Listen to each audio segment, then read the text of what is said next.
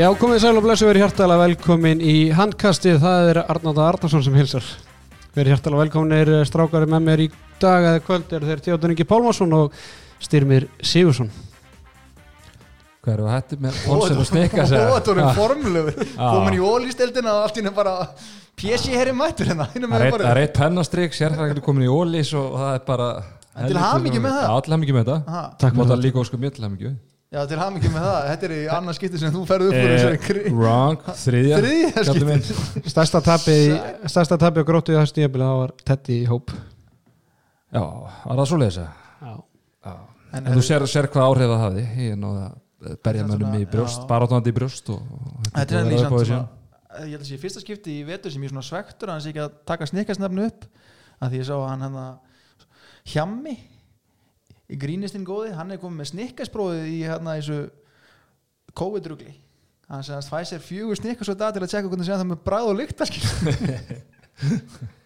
Það er mjög gott Það er aðtilsvært. Þú ert búin að prófa það sjálfur? Ég er búin að prófa það sjálfur. Já, gott. ótt og tít, ég er góður Það er strákar, við erum að sjálfsögðu búið BK Kjúklings, það er aðtilsvært að ég var mitt á BK Kjúkling þegar það var tilkynnt að grótt að vera leini ólís. Það var svona smá kaldhæni í því. Já, það kom Þú veit að sagði þér eitthvað Já, já, vertu nú ég, ekki geti, ég, geti, ég hefði ekki getað hugsað með verri stað til að vera á eða eitthvað, Nei, ég hefði en þú hugsað- meintir hitt. Já, já, ég myndi allt annað. En í glæsilegu viðtali við kertan alltaf og, og sporti, sportin í dag. Já, En það er nú ekki fyrsta skipti sem að svona honum eru mislaðar hendur í málfræðinni. Já, geta rétt ímynda með hvernig mér mun líða í viðtölum næsta vötur Já, það verður eitthvað veisla, það verður tekin eitthvað svona klippa á því og spila í einhverjum uppgjörstæði ég get alveg lofa því. Ég býð alltaf, já, ok já. Já, en BKN, hann er búin að standa fyrir sínu þessa, þessa dagana í, í, í hérna þessu ástandi. Já, hann alltaf með þarna tilbúið á þúsukall hérna þrýr, hvað vangir, franskar og, og kók. Það er alltaf ekki verð Ég, ég sá einmitt að ég, ég borðaði inni, ég satt svona nokkuð nálægt hérna búðaborinu samt 2 metra fjarlag og að fólk var grimt að henda í þúsund konar tilbúið sko. já, já, líka mikið bara maður sem það er mikið um take away og, og, og þeir eru náttúrulega að nýta þarna, það er þetta að fá heimsend líka. Þannig að hérna, ég held að bara business is booming eins og við kallum þetta. Yes. Herru trókar, ég smakkaði þetta Ólafsson gín hérna um helgina. Já, Ég var ekki naða, ég var í hérna svona koktelkeppni Já, hendi, hendi bara í gín koktel bara heiðalegt, gin og Ólafsson. tónik eða? Nei, þetta var hérna Tom Collins. Nei, ég ætlaði að prófa hann en þetta var hérna þetta var gín. Þetta var hérna þetta var eh, Þar þú getur meilað þessu okkur. þetta var, fyrir jól það var, þetta var með sko. svona hérna ástaraldin juice. Ah, svo var ástaraldin í þessu og eitthvað meira til. Tónik og hérna Hvernig smakaðist? ég held, ég held að það hefur ómikill tónik í þessu. En Ólafsson kynni þú, hend, þú, hendir, hendir í þetta þegar við tökum hérna. Slútt. dinnerinn okkar hérna, einhvern tjón herru hérna svo uh, síðasta, síðasta sunnudag þá vorum við allir í, í pókamóti höfðingjars Já. á Kulbett Já. Duttum. Duttum Ég- út á sumu mínútunni Já. þetta var rosalegt, við bara hérna, ég held að við menda í, í ég held að veri bara eitthvað þrjú fyrir sætt á milli okkar allra þannig að þetta var nánast þessum mínútur sem við dötum allir út Djúfis hróki mér náttúrulega því að náttúrulega ég var te- að, fór illa út úr hönd gegn sjálfum höfðingjanum hann flössaði þetta Nei, sko, hann royal, Royal flössaði. hann royal flössaði mig á móti húsi sko, á móti fullu húsi ah, ræðilegt, ég, mér verkjaði ég fann, fann til með þér Já, sko, því að sko, við skulum alveg bara vera hrein, hreinur á beina með það, ég á vídeo af þessu og það vídeo var náttúrulega sett í gang þegar ég floppaði setta því ég ætlaði að eiga vídeo þegar ég myndi rúli yfir höfðingana. Hei, þarna kom í, kom í það kom í baki á mér. Já, ég var orðið svolítið að vinna daginn eftir og ég var orðið svolítið þreyttur sko, var, svona, var komin í lóstak hann ég fór ólinn bara á sexu sko, ekki að vera að hafa eftir mér. Ég geri það ekki eftir en, en þetta er aftur á sundaginn á Já, páskadag. og og þú- þá er frítag daginn eftir. Þannig að þá myndi ég ekki veða gegn Ponsa Bondi eða? Það er spurning að þú líka bara, þú veist, svo getur þú líka bara ringt í mig þegar þú ert í ykkur baslim að komast inn í móti en svo var það Varst ég bara að komast inn það? Nei, ég kunni ekki þetta Stemmi, stemmi, hvernig kemast inn í þetta móti hérna? Hann ringdi tett í mig hérna. ég hef verið svona átta tíma að finna út úr því ef að ég hef ekki fengið aðstóð en, en ég ætti að, já, vonandi gengur það betur á, á Þannig að þá var bara- páskataskvöld Þannig að hann alltaf ringdi bara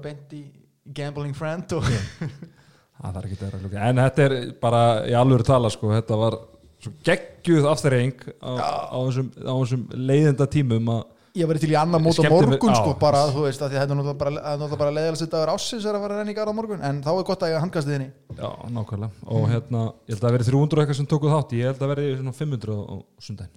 Sérstaklega eftir, þeirra, eftir, eftir þessa hlustun. Já, Já, absolutt. Herðu strákar, það er kannski einhver að velta sér fyrir sér hvað í anskota við erum að gera hérna í, í Svæp stúdíónu en við náttúrulega erum að fagna því að Eitt Plöter hann er búin að fá vinnu á FM97 já. Það er rosalega tíðindi maður. já, þetta eru ekkert smá stór félagskipti Þetta er bara æsku draumur hérna, hérna Hjá FM að fá hann. Já, og Enda líka var neyðafundur hérna frammi þegar við mættum. En hvernig eru þið hérna?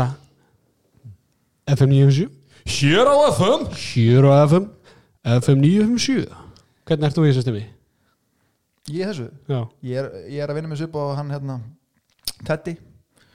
Hér á FM Hér á FM En, en, en ég var ánægð með að það var hérna, radio sko. Já, en það var FN95 Plus Já, mjög gott, F95 Plu Hver var með það, Dagi Lagstad Já, gott ef ekki var ekki frá, hann sko. frá 26 alla virka Þráin daga. ári, þráin ári sinnilega Herru strákar, hérna eitt af því sem við ætlum að fjallum í, í þessum þætti er náttúrulega við ætlum að heyra í Arnari Frey Teðdósinni umbóðsmanni Íslands.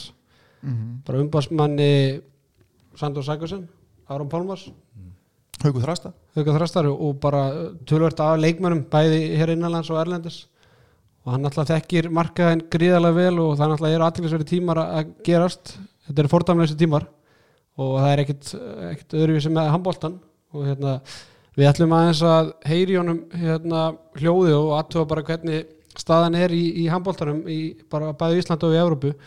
Síðan alltaf aðeins að tala um hérna slöfun HSI á Íslandsmótinu og hérna og e, síðan alltaf fara alltaf bara yfir smá slúðumóla og við ætlum að ræða það bara og skemmta hlustendum hérna ég heit góðan klukktíma Mhm. endar auðvitað einum og hálfum tíma ef ég þekki okkur strákunar rétt. Nei, nei, þetta er klulli bara, það er lett en það ekki? En hvað hérna Arnar Freyr Téttósson Já, Vertu hjartalega velkomin á línuna það Arnar, Arnar Arnarsson sem hilsar blessar. hvernig hitt ég á því? Bara vel. Er það ekki? Herðu, við liðum á fordæmulösum tímum og það er engin breyting á því hvað var það handbóltan og hérna við ætlum aðeins að forvetnast um stöðun á handbóltanum og við erum náttúrulega að koma tíðindu bara til að byrja með náttúrulega um, um Final Four já, með, með þess að flug og hótel og miða á Final Four bara í mæ-júni og það er nú bara það súferði farin til fjandars en, en ég og F þeir alltaf að reyna að hafa þetta þarna í- hvað miðan ágúst hvernig svona finnst þér staðan á, á Final Four helginni? Uh, síðan sem ég heyrði í dag um þetta, þá var ekki orðið örust að þetta myndi fara fram í ágúst eins og þau leggja til. Mhm. Um, það er hins vegar vilji allra liðana sem taka þátt sem ég hef rætti að, að, hérna, að klára fænum fór helgina. Það er ekki bákvæða að, að það verði klárið öll undankefni sem 16 lið áttalega útsettin eða hvort það verði bara efstu tvö ykkur reyðli sem farið beint í. Ég held að þetta snúist aðalum núna hvernig ríkistjórnir eh, landana opni fyrir samkomur og þeir verða náttúrulega að hafa áhörundar á þessu en eins og staðinni núna þá verður kláruð Final Four helgin, það er bara spurning hvenar þannig að þú ert bara að breyta miðanum og hótelum í þetta dagsefni. Ég þarf að græða það. Hérna, bara svona til að hlustendur áttu sig á því, eina af ástæðinu fyrir að félögin vilja klára þetta, þetta hlýtur að vera bara mikill, svona, mikill tekju hérna séns fyrir félögin. Það er það og svo er það líka bara að fá titil í safnið er, er mjög mikilvægt og, og það bara þú ekki að sjálfur ef þú byrjar að vera verkefni það langar að klára það. Þannig að þetta er svona sambland af mörgu afhverju, það er ekki bara fjárhagsast þó að það séu nú sterkar samt sem áttur. En það er náttúrulega, við vorum að velta fyrir okkur í strákarnir í síðustu viku bara hvernig anskotna er alltaf að fara að þessu félagskipta glugginn og, það er leikmenn alltaf að þekkt í handbóltarum að leikmenn er að skiptu á milli liða með miklu fyrirvara og það er alltaf stór félagskipti að fara fram í sumar og, og margir leikmenn alltaf skiptu um lið hvernig allar EHF og, og liðin og leikmenn er að fara að þessu eiginlega Við hefum ekkert heilt frá EHF, það var ekki ég eða mínu kunnar. Það er mjög skýrt að við þá leikmenn sem ég hef sem er að, að hérna fara að keppa í þessum uh, Final Four úslita helgum eða í þessum undanslátta útsláttakefnum með hvernig sem það var þetta að, að liðin sem eru að fara í þeir mun ekki leifa þeim að spila með öðru liðum en þeim. mm -hmm. Þannig að eins og Sander Sago sem hann fær ekki að spila með færi eftir fyrsta júli að það er bara mikið samning við King Mm og mun spila með þeim. Og það sem ég hef heyrt er í raun og vera bara félagskiptur og í gegn og leikmenn fá bara leikjamind með nýju félag. en það á eftir að útfæra þetta nákvæm lækjustíð á að hérna að losa leikmenn undan samning gera tímabundna samninga við gömlu félögi sín. Það er bara fáránlegt lækjustíð þetta Mm Hvernig svona, ég sé það ekki gera nei, en hvernig fer þetta svona í, í umbóðsmannin sem er í samskiptu við leikmenn og, félögin, er þetta erfiði tímar síðustu vikur þráttu verið að kannski sé ekki mikið að gerast í kannski leikmanna markarum sjálfum en, en þetta lítur að þú ert að vinna ímsa vinnu sem þú kannski ekki endilega þurft að gera áður? Ég, ég veit svolítið miklu tíma að ræða við lögfræðinga því að það er búið að vera að reyna að breyta samningum hjá leikmennum það er mismöndi gert eftir hverju félagi og mismöndi eftir löndum líka og stundum er verið að setja landslög til að heimila liðunum að breyta samningum tímabundið og, og launum og annað. Þannig að þetta búið að vera heljarnar læknámsferðli fyrir mig en ég held ég viti tölvöld meira um vinnu rétt en ég vissi fyrir þetta þá. Mm -hmm. það er búið að vera sála í, í þeim efni en, en hérna, hvað var þar markaðin og nýja leikmenn þá er, er örf á lið sem er enn að velta fyrir sér að fá sér nýja leikmenn. Hvaða leikmenn? Flestir viti ekkert hvernig budgeti er. Þó voru einhver, einhver lið sem að vissu að þeim alltaf leikmenn í ákveðna stöður og vita að þeir munu taka leikmenn en þeir bara ekki hvað geta borga fyrir það. Þeir eru ekki komið skýrsvör á sponsorunum sínum og, deildunum og sjómanstærétti og öðru sko. þeir Mhm. vita ekkert úr hverju er að hafa mót en stanni núna hafa rosalega lítið af, af nýjum félagskiptum nema í þeim liðum það sem er bara mjög ríkur eigandi sem að borgar allt. Mhm. Hvað hérna, hvernig er staðan á svona stærstu liðanum í Evrópi Ertu var við það að mörg lið sé að draga saman seglin eða og jafnvel einhver lið bara þurfa að gefast upp? Sko ég á með við orðuróma þá er ég vonað því að það gæti alveg orðið einhver lið sem að bara hverfi algjörlega og þekkna Mhm. ef, að, ef allt er á vestan. En hins vegar eru liðin bara svona breyðast við óvist þau vít ekki hvernig framtíðin verður. Þannig að þau eru að reyna sagt, lækka launagreislu núna. En, en er að gera þannig að ef að innkoman verður svo sama og hún átt að vera þá munum við standa við saman það er svona í flestum tilfellum í þá áttin Mhm. það er ekki ennþá komið loka mynd á hvað gerist. En ég er áhyggjur fyrir fyrir hönd leikmanna hvernig þetta endar. Mm. ef þetta fer á vestaveg þá erum við að tala um að, að bara íþróttalífi í hilsin er að fara að tapa gríðalega fjármögn það segir sjálf þegar það var fyrirtæki sem þetta ströggla þá var að fyrsta sem hann sker niður er einhverju styrkjum í íþróttalífi Já, ég held að það sé ekkert laununga mál en, en hérna sérðu eitthvað svona þema í því? Hvaða lönd er þetta, er þetta Austur-Evrópa eða er þetta Frakland, Tískaland, Danmörk? Hvernig er Nor- Norðurlöndin að koma út úr þessu staðinu núna? ég sýnist uh, Daninir og Normennir vera svona hvað sterkustu stöðuna. Óljusjórni í Nóri er er loksins að borga eitthvað til Normanna núna. Að ég held að það landi er bara svona best út Dönsku liðin eru búin að fá í raun og veru styrk fyrir að hérna, geta ekki haldið leiki. Og ákveða það mjög snemma stjórnaldin Dömurku að gefa peninga til þeirra sem var að halda viðburði og inn í tíu íþróttir. Þannig að þau fá innkomi eins og þau verið að halda leikina í raun og veru. Þannig að leikmennin þar voru sendir í raun og veru bara vinnu leiði en eru á fullu laun Mm -hmm.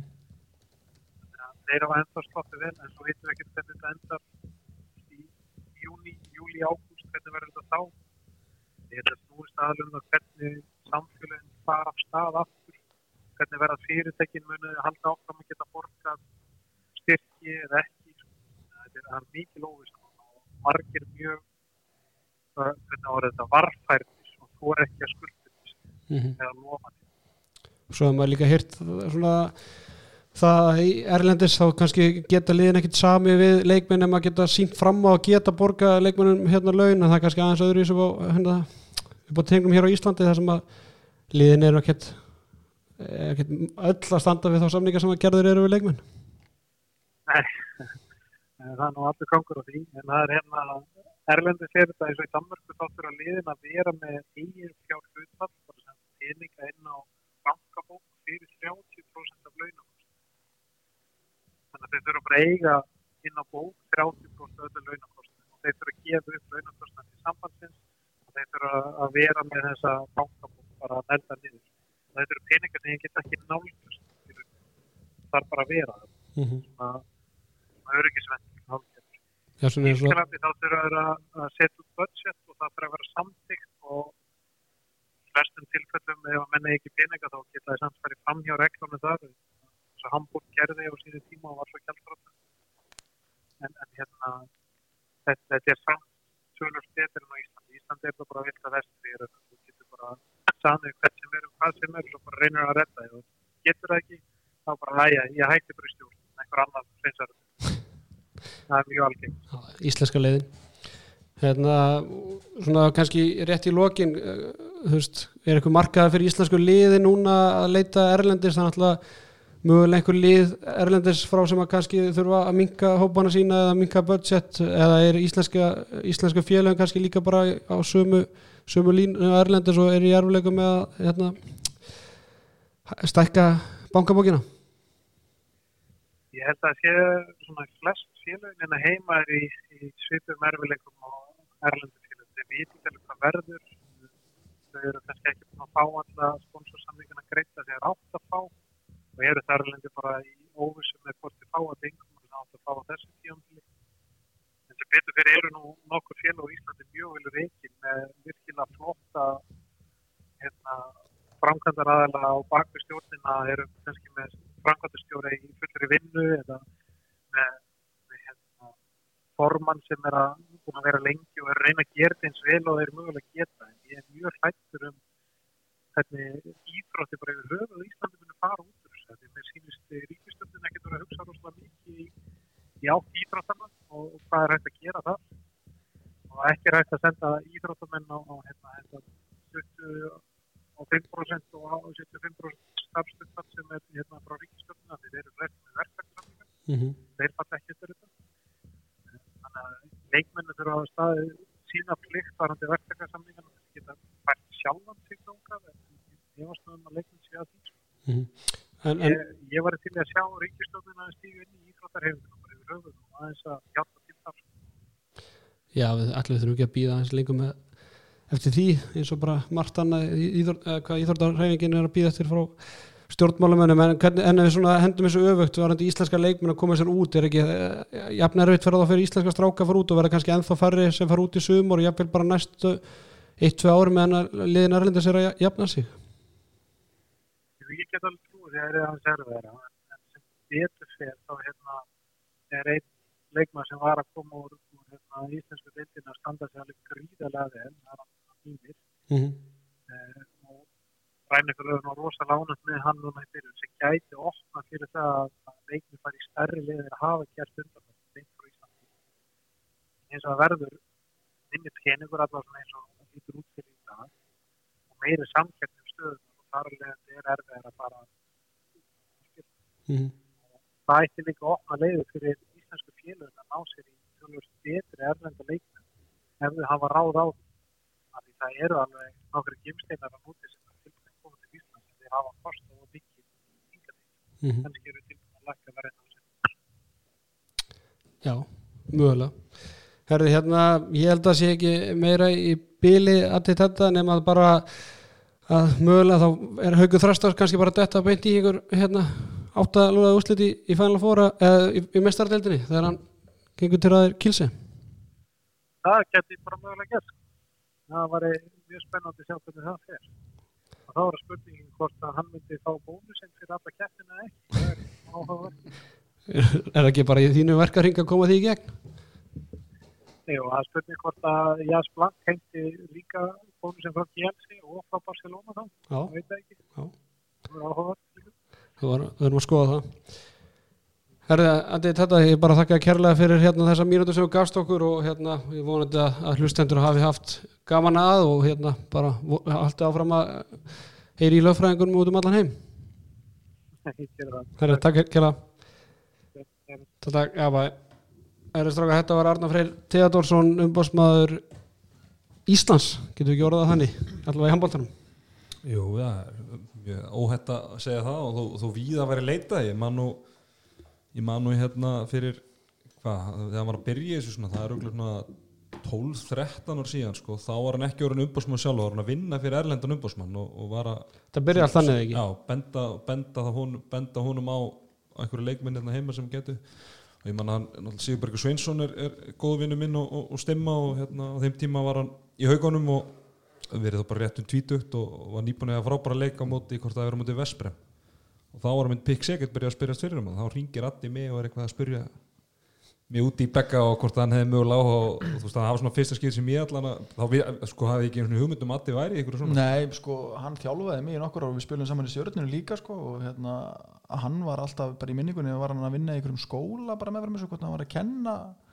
hvort sem mentaði kennari ég ætla ekki að fara að minni það eitthvað og, og svo allt í hennu bara já, hætti í handbólta og svo bara 2-3 mánu setn er hann allir bara orðin bara maðurinn sko þú veist, og bara búin að gera ótrúlega vel og það er bara sniður að því að þú veist, það er fullt af talent sem var að koma frá Íslandi sem kannski hann, þú veist, maður sem er búsettur hér getur spottað miklu fyrir heldur en þessi sem er úti og, og, og, og hérna gert góða hluti með. Mhm, og þetta er náttúrulega líka þó að sko, það sé náttúrulega ekki nandánari jafn miklu peningar í handbóltanum eins og fótbóltanum til dæmis. En þá eru þessi heimsklassa leikmenn bara þú veist Mikael Hansen, Aron Pálmarsson Sandi Sakursson og þú veist leikmenn í þessu, þessu kalibri þeir eru ansi vel launaðir þannig að þannig að það er örugglega alveg ímislegt uppur svo hafa Já, en þetta er ábyggilega að með en sko. er ábyggilega þrjusu vinnu eins og við herðum að þú veist, þú, veist, þú veist aldrei hvað dagurinn byrja skautu sér og svo náttúrulega hérna, var hann ekki nýkom með Aron Pálmarsson þegar hann lendi hann í Vesperim æventýrun og þetta eitthvað aðeins að leysa því og þannig að þú veist, þú getur vesen. já, þú getur lent, menna þú þart þeir, þeir þurfa nú ofta að vinna virkilega vel fyrir þessum skilding þessi dreng- drengir og hérna, en bara ótrúlega vel gert og hérna, en ég er endar hjó eftir því sko að svona, mér fannst það svona hinta, menna voru við ekki að tala um fjárhagsákur hjá Kilse fyrir vetur? Gæti það verið bara haugur þrastan sem þurfa að finna sér nýtt lið bara mjög flóðlega mér finnst hann í að því þetta svona eins og Austur-Európa væri aðeins meira basli. Mhm. þannig að það er spurning hvort að og hann talaði um að það gæti alveg farið svo eitthvað stór nöfn bara hún heyri sögunu til eins og þau munum bara þegar Hamburg fór á hausinn hvort að munum bara jafnvel þurfa bara ekki það, ég hef engar áhugur að hauki þrasta sinna að, að hann finni sér ekki í lið sko. En Ja, þetta verður bara eins og maður segir þetta er, það verður spennandi að sjá hvernig þetta fer. Það er mikið lóvisa þarna eins og, eins og við er. En náttúrulega það er alltaf til í umræðinu með Hási Vardar. Að þeir sé alltaf frá hausina eftir hvert Já. einasta tíðanbíl og aðteklisvert að svona síðustu dag það sem er lítill sem engin handbólti hefur verið síndur það er maður svona tölur á YouTube og skoða gamla leiki mistardölda leiki frá 2006 7 alls konar lið þarna sem er ekki til í dag. Adman Leon, eða hérna Seattle Real. Seattle Real og, og fleiri lið þarna bæði, sérstaklega Spáni. Það var mikla breytingar á liðanum á, á Spáni það og, er bara Barcelona er eina sem heldur en þeir eru alltaf að breyta um nafn. Já. ég held að sé vel bara eftir sponsornum með hvernig það er Lassa.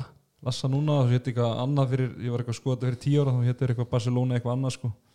Þannig að hérna, en já, það er henni svo ég segi, bara eins og Matum með Leon og Sjötur Real og fleiri lið sem að hafa það er eitthvað rekstra grundullur en eitthvað erfiður þarna, mm gernilega En hérna, aðtilsvært að hérna, heyra þessi í Adda og náttúrulega, ég held að fólk gerir sér ekki almennilega grein fyrir endilega hvað, hversu marga stóra leikmenn hann er með. Hann er með tölvört af norskum strákum og hann er alltaf búin að vera með Sandur Sækar sem bara, frá því hann var bara 15 ára eða eitthvað, ótrúlega vel gert að bara finna hann spottan og ná í hann sko. Það er auðvitað mjög vel tengdur hann Addi, það er alveg enda líka bara viðkunnarlegu drengur. Já, heldur betur. Þannig að toppmaður. Ég, ég er náttúrulega, ég spurði hans í lokistrákar hérna út í íslensku strákana, náttúrulega bæði Gretar Ari, hann kom náttúrulega frétt um þann tíðabla, hann var að reyna að fara út. Það hef ekkert hyrst frá því, ég meina úr þessu þá efast ég um að Gretar Ari sé á leiðinni út í atvinnmennsku saman með, með Pirki Benediktsson. Mér skilst að hann hafi fallið á læknisprófi í Danmarku á land sko þannig að svo, það er svo hann að vera einhver íslensku prófi fyrir læknisfræðina. Já, helvitis klásu sem maður hérna, þannig að það ok, ég var ekki búin að heyra því. Veistu hvaða lið það var það? það var ekki í Danmörku en síðan var hann með eitthvað hérna annað í Þískanandi eða Fraklandi sem var það okkar standað þetta var einhverju viðtali okay. svona fyrir einu alveg byggður fyrir bútislíkuna svona, Já. svona stór og svona skriðþungi sko. Frönsku dildin jafnvel. Ekta, ekta skita, já, jafn- jafnvel. En hérna, þannig að það hefur verið aðteklisvært og svona veist, það er, oftast er þetta þrý, fjóra, fimm leikmenn að fara út. En hverjir, þú veist, Ími fóð náttúrulega kickstartaði Donni náttúrulega á löngum búin að skrifa undir skrifa undir náttúrulega fyrir árið síðan. Ég meina, hvað ef að hefði, ef að Donni hefði verið að leita sér að liði núna? Ég meina, þannig að þetta, þetta er ekki öfunnsur staða og eins og segja, þú veist er eitthvað aðri leikmenn að leiðin út eða? Birkir, Donni, Ímir?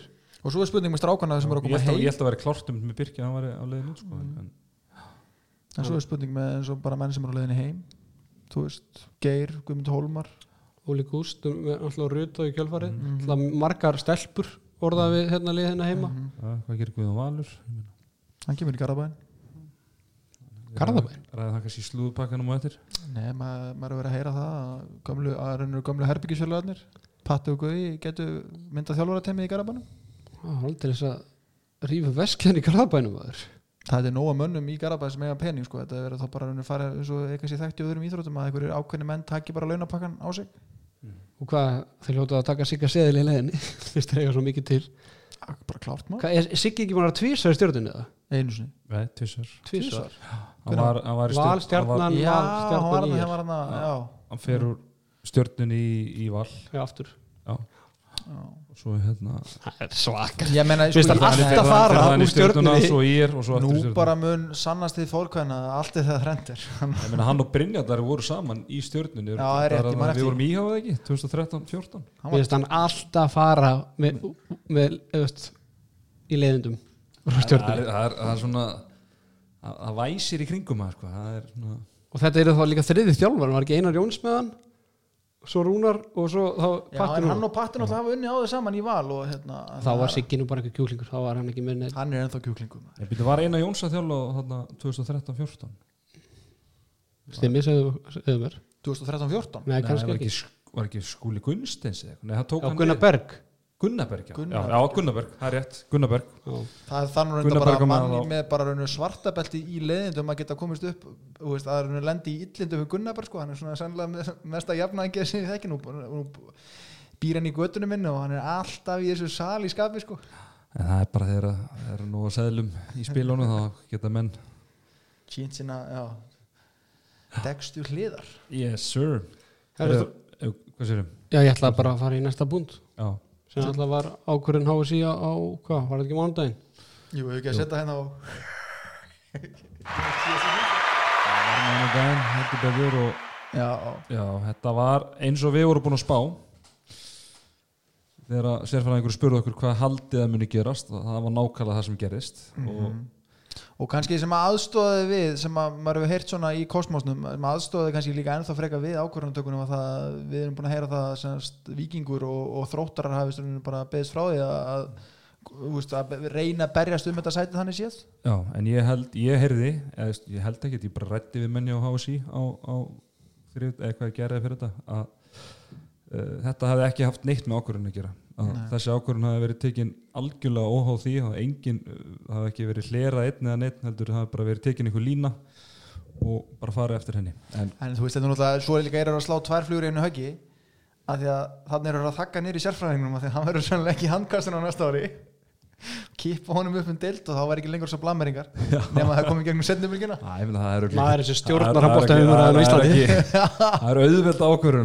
að sé alveg ljóst. Nei, nei, en þú veist annars samt að sama skapi samt held ég þetta, þú veist, ekki að þetta hafi neitt kannski haft áhrif á hana en þeir eru kannski liðið samt ennþá þægilega með það urðingin læti þannig séð út út í samfélaginu frá vikingum eða þrótturum og það, það voru það, veist, þeir einu sem eru búin að vera að hann var nú ekkert að já, veist, kalla megin og svo náttúrulega Já. Selfoss kvenna megin en hérna Vilhelm Gauti sem hann hérna svo mætti maður að hann var eitthvað að láta í sér heyra á Twitter og svo var hérna heyrði ég viðtal við hann Elias Már hjá, hjá Valdibinni í podcastinu hans og Æ, mér fannst þessi, þú veist, þetta verður svona smá skvaldur í, í 2-3 daga og svo held ég að það svolítið bara feit út því að að því að mér finnst, í rauninni bara það, það, hvað sérum? Hvað sagði Eli í viðtalinu? Eh, bara svona, þeirra rauk svona í, í, í stuttumáli voru basically það að, að, að gróta hef ekki búin að vera ekki verið búið að vinna sér inn þetta, þetta sæti. Nei, en Háka voru samt búin að vinna sér inn það að falla. Já, veist, að- það er það sem ég, það sem ég segi Já, það- ég að þú svona- veist gróta átti ennþá sjens á að fóru upp en, en Háka átti engan sjens á að halda sér uppi Já, þannig að það er raun- það er að hafi það er rauninni verið að gera ráð fyrir einhverju niðurstöðu einhverju keppni sem aldrei fór fram sem er þá umspilið veist, já, en þú veist það þarf bara það er bara þannig, það er svona ákvörðinu tekin það verða alltaf einhverju ósáttir háká er ósáttir Selfoss hvenna megin eru ósáttar Mhm. og þú veist, við bara byrjum þetta saman við körfuna og hvernig fíaskoð það var það veldi þetta hafi bara verið frábærlega listi hási og, og þú veist, ég var með hana, einhverju skoðun að að vera með ellulið og, og, og þú veist, en þú veist, Það in, the var- end, in the end þá er þetta bara farsalust og ég held að svona, við munum hafa lítil sem engin eftir En ég hef samt áhugur af því og öruglega eitthvað sem að fylgst með Twitter að kannski sé það umræði menna, hvað verður um grillið? Ef að þróttar er að fara detta út er þetta horið þrjúlið? Og tvö í umspil, þú veist, þú ert bara orðið ykkur uliðadelt, þú veist, mér finnst þetta ekki alveg fjast að þessi Var ekki Stefán Pétur með eitthvað blammeringum að það veri nýtt lið á leiðinu ég ekki þetta? fyllibjötulið, hann allar að metta til leiks ekki Nei, þú veist, Nei, ég svona, veit ekki, hann vildi ekki segja okkur um það Nei, svona ángríns, þú veist, hvað er þetta horið þrjú rauninu mestaralóðslið þarna eða svona, þú veist, sem eru bara svona, þú veist, Já, og ég svo er þetta bara ungmennalið? Ég- ekki nema að þeir bara hleypi liðið með svo kríu og herði og, og hérna og þessu hugsalega nýja liði sem að er í, í bígerð. Sko ef ég var í HSI ég veit svo sem ekkert hvað heimildir hafa til þess sko ég, bara, ég þekki það ekki en, en ég myndi frekar henda þessu liðum upp og einhverjum auðliðum niður sko bara upp á Mhm. Já, svo er líka bara, svo er náttúrulega bara spurning hvaða lið munu hætta Þú veist, þetta er Er 2-3 það dýrt? miljónir sjáum að Íringana þeir, hafa tímbili verið með tvö lið Já, Mhm, Ég meina, þeir eru konum með þrjúðu stæður Það er allt í gangi. Já. Þannig að já, já, en svona, já, ég held að svona inn í enda þá hefði þetta verið og það voru náttúrulega einhverja ósattu líka þarna eins og með F-fangana og, og svona sem að vildu að náttúrulega hérna kaupmaðurinn á hodninu, Ásker Jónsson að hann horfir horfir vel í og, og gumgeflega í bókaldi alltaf og ég meina, þú veist, þessi liður er náttúrulega verða miklum tekjum að hérna úsliðakennin fari ekki fram, það er bara stærsti hluti Mhm. að tekjustreiminu er að komi, komi gegnum úsliðakennina og þú veist, hann var ósattur með það að hann hefði kannski vilja býða eins lengur og ég veit ekki, þessi ákvörðun tekinu mándaginn og það sem er búið að gera síðan á mándaginn er að það er eins og við séum að ná einhverju tökum á þessu sko, þannig að Já, ég, veit, ég, veit, ég, veit, ég, veit, ekki sko en, en svo á móti allir leikmenn sem ég hef rætt sem eru bara, ég er búin að heyri alveg slatta leikmennum og svona spurt þá hvað þeim finnist um þetta bæði fyrir árins ákvörðum að tekin og eftir. Og það er alveg sama hvort að þeir eru í val FH, fjölni, þú veist bara hvað þeir eru í töflunni. Allir sammálu það að þetta er skrítið og leiðilegt og allt það en þetta er bara verið eina rétt stund Já, og þú veist, og þú, eins og þú kemur inn á skilur, þú veist, við erum við virðum sér á réttri leið með rauninu þess að þróun sem, er í samfélaginu og, og, en eins og hvað kom fram í einhverju viðtalið við Víði hérna held ég í vikunni, hann held að kannski skipulaðar æfingar með fjölda einhverjum ákvörnum fjölda getur fara að hefjast í lokmæ og þú veist, og þá eru við kannski reiknum með að Pepsi-deltin farið á stað 15. júni eða eitthvað, og þá myndi handbóltin vera fram á svipuðum tíma og það er, við erum bara, þetta er orðið allt og langdreið og, hérna, menn að finna sér ný lið fyrir næsta tímabil og það þurfti bara þú veist, já, og kannski lærtómurinn aðeins er bara að vera á miljón allt tímabilið því að þú veist aldrei hvernig það getur verið flöta af í svona mm. þú veist, þannig að ég já, ég, ég, ég held að bara að þetta hafi verið leist eins vel og hægt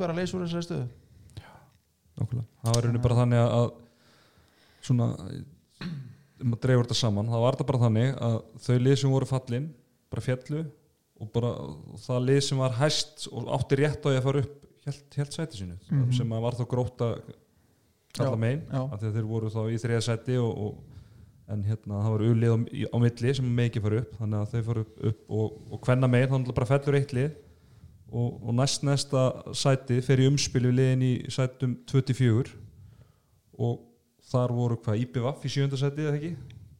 Jú, svo, og, og, og þar leðandi sem það er þá hæsta liði sem á þá réttin en að gesa lappa til að vera mm Mhm. hæst rankað þannig að það er halda Paldi- sæti sínum. Paldi samt. Ef IBF, nei, hérna HSI hefði bara hérna að fara tvölið upp úr kannadeildin líka og tvö neðstöðu niður. Og IBF hefði bara fallið og semja Byrtum Berg og Söndru Erlings Já, og, en þá hérna hefðu þið fengið veistu velli sko. en þú veist, við hefum nú ekki mikið rétt stelpundar og hvað þá grill 66 til hvenna það er rosalegt með hérna Selfoss, náttúrulega Selfoss fellur ólisetinni fyrra og þær sitja eftir með sártanni núna einu stíu eftir FH Uh, þær voru innbyrðis þarra en FH Selfoss tapaði tvívegis á móti fjölni í vetur og fjölnir eru í nýjunda sæti deildarana með sex sigra. Í öðru leiknum var Selfoss nýju mörgum yfir þegar voru 15 mínútur eftir og töpuðu með einu marki. Jattefli þar hefði tryggt Selfoss er, í- erum, erum við innbyrðis og FH Já, Mhm. Wow. en hvernig eins og leikinni sem er eftir Selfoss átti fram U eftir Já. sem er náttúrulega yfirbúra langt besta liðið þannig að já, já. Og Svo... FA átti auðveldara prógram en bara eitt jætteflóndi fjölni sem lendir í nýjönda þegar þú ert nýjum mörgum yfir á 16 minnundur eftir að það sé að kosta í sæti úrvastild eftir allt sem hann er svakalega dýrt eftir að ekki Þannig að við horfum á þetta svona út frá líkum líka þannig en þú veist sem náttúrulega hefur ekkert með þessu ákvörðun að gera því að það er bara tekin einhver strategist ákvörðun og, og henni bara fyllt en ef við horfum á þetta þannig að þá er allan með að við að Selfoss hafi átt framöðu eftir sem er langbesta lið í grillinu og líklegt að það er ekki náði að fá og það er náttúrulega ekki ef við tölum bara íslensku að átt breyki hauka, IBF eða háka og í umspili. Með mjög ólíklegt þannig að er þetta, er bara sangjant. Selfoss var mjög ólíklega að fara upp anyways og já, þannig að ég held bara að það geti nánast allir verið sáttur og þeir sem eru ósáttu geta ekki verið neitt svakalega mjög Þeir eru svona að gleyma því að við erum byrjað að reyða upp fyrir það nú Hvað sér ég? Þeir eru sannlega búin að gleyma því að þeir voru ósattir þannig að við byrjum að reyða upp fyrir það, ég Ég segi held að það. sé bara búið að- að bara sjallast vel sko. Ég er bara mjónaði hvernig þetta fór alls saman. Nema að það er kannski, eða fyrir okkur er það kannski verið fínt að fá okkur læti til að það verið meira ræða